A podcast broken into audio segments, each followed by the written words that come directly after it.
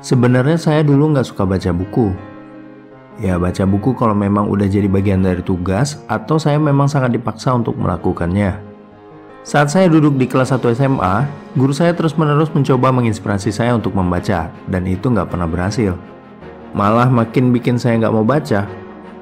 Hingga akhirnya ketika saya menemukan sebuah video di YouTube yang mampu dengan seketika menginspirasi saya untuk membaca. Dan hingga sekarang membaca adalah salah satu hobi saya. Jadi apa perbedaan antara guru saya yang mencoba menginspirasi saya tadi untuk membaca selama bertahun-tahun dan sebuah video YouTube yang pada dasarnya mampu melakukannya dalam waktu singkat? Nah, ini dia dalam konteks Golden Circle. Guru saya memulai dengan apa? Kamu harus baca buku-buku ini. Ini adalah buku yang bagus. Kamu harus baca. Kemudian mereka kadang-kadang pergi ke bagaimana ini bagusnya dibaca di waktu luang soalnya bukunya bagus banget dia best seller tapi ya cuma gitu gak sampai ke bagian mengapa harus kita baca buku. Jika saya bertanya mengapa saya harus membacanya bu? Mereka mungkin akan marah. Pertanyaan apa itu? Apa maksud kamu mengapa kamu harus membaca buku ini? Dan kemarahan itu sebagian besar berasal dari fakta bahwa mereka nggak benar-benar memikirkan tentang mengapa sehingga mereka tidak dapat benar-benar mengartikulasikannya dengan jelas.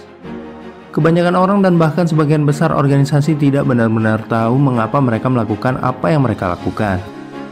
Tapi bagaimana dengan video YouTube yang berhasil meyakinkan saya untuk membaca buku?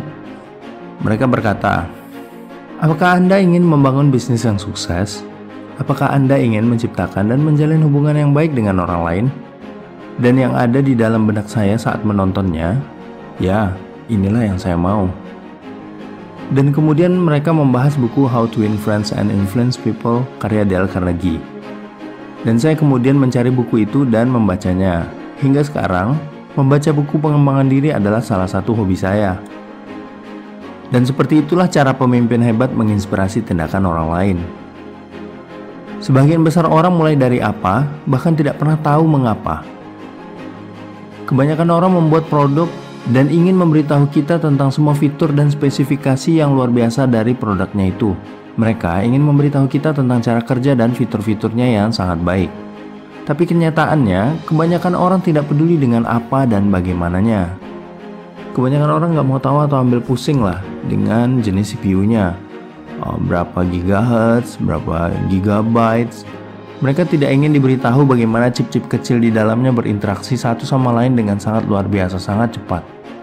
Tapi yang mereka ingin tahu adalah seperti ini. Kami menghargai efisiensi seperti yang Anda inginkan. Berikut cara kami membantu Anda menjadi lebih efisien. Dan berikut adalah produk yang akan membantu Anda mencapai hal itu.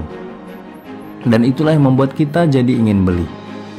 Jika mereka memberitahu kita bahwa kita akan menjadi lebih efisien dengan menggunakan produk itu, kita jadi ingin tahu lebih banyak. Sekali lagi, mulailah dari mengapa, bukan dari apa dan bagaimana. Ini bukan hanya soal meyakinkan orang lain. Ini juga efektif untuk meyakinkan diri kita sendiri. Saat kita udah ngerasa berat buat belajar, kerja, atau usaha atau apa pun itu, yang harus kita ingat bukanlah apa atau bagaimana.